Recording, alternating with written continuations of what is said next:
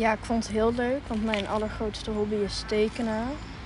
Ik wou veel kleur gebruiken en er lang, bezig, lang en creatief bezig mee kunnen zijn. Nu is het nog moeilijk, want er rijden veel auto's langs. Maar ik hoop dat het veel natuur wordt en veel vogels vooral. Mijn kunstwerk heet de, Het Droomhuis, omdat ehm, bij het kunstwerk, daar heeft dat dier dus, ehm, dat heeft dus een beetje fantasie in zich. En ook het huisje. Ehm, de achtergrond, daar ben ik bij, gekomen door allemaal kleuren te mengen. Uh, voor mij geeft mij het gevoel van vrijheid. Omdat ik, kan, omdat ik zelf kan bedenken wat ik kan. Eline heeft mij dus geholpen bij de materialen en ook een beetje bij het aan elkaar vastmaken.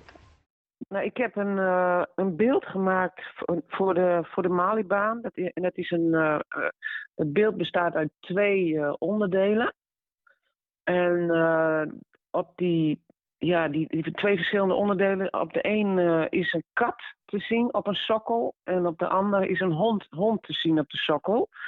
En uh, de, de teksten die uh, op die beelden staan, die zijn belangrijk. Want er staat bij, deze hond blaft niet en deze kat muist niet. En dat betekent, nou ja, de hond blaft niet, dat is wel duidelijk. En de kat muist niet, dat betekent dat hij geen muizen vangt. Nou, dat, en dat werk, dat heb ik, dat heb ik, ja, dat, dat is een, um, het heeft te maken met het erfgoed van uh, Utrecht. Want Utrecht heeft een oude keramische industrie gehad en daar gebruikten ze die mangaan glazuren. En dat zijn die paars, paars, paarse glazuren. En uh, dus ja, ik ben altijd wel geïnteresseerd in erfgoed. En ja, keramiek verwijst ook wel naar buitenbeelden voor de openbare ruimte, voor het groen. En de, deze afbeelding kan natuurlijk ook een vaas kunnen doen of zo. Maar deze afbeeldingen, dat is ook een beetje een knipoog naar. Uh, ga niet op je eerste indruk af. Weet je, soms. Hè, de hond ziet er gevaarlijk uit, maar hij blaft niet. En de kat uh, is natuurlijk ook een beetje een gevaarlijk dier. Maar goed, als je beter kijkt of hem leert kennen, dan muist hij niet. Nou goed, en dat is een beetje wat, wat ik in mijn, werk altijd wel verwerk.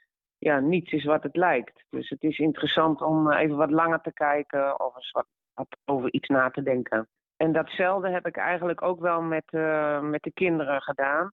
Dus toch even, even bedenken wat, uh, wat, wat is het onderwerp. En dat was bewegen.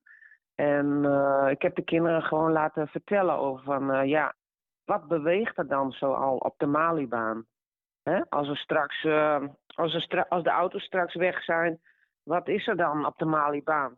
En wat is er sowieso? En toen kwamen we uit op vogels, die altijd eigenlijk wel op de Malibaan zijn. Die hoog vliegen. Dus die hebben sowieso altijd. Um, ja, maakt die, vogels die zijn het meeste vrij. Weet je, dat is een verbeelding van vrijheid ook. En dus we hebben vogels getekend en vogels die in de toekomst misschien wel met als robotjes over de, over de Malibaan gaan. En dat, weet je, dat zijn kinderfantasieën natuurlijk, hè.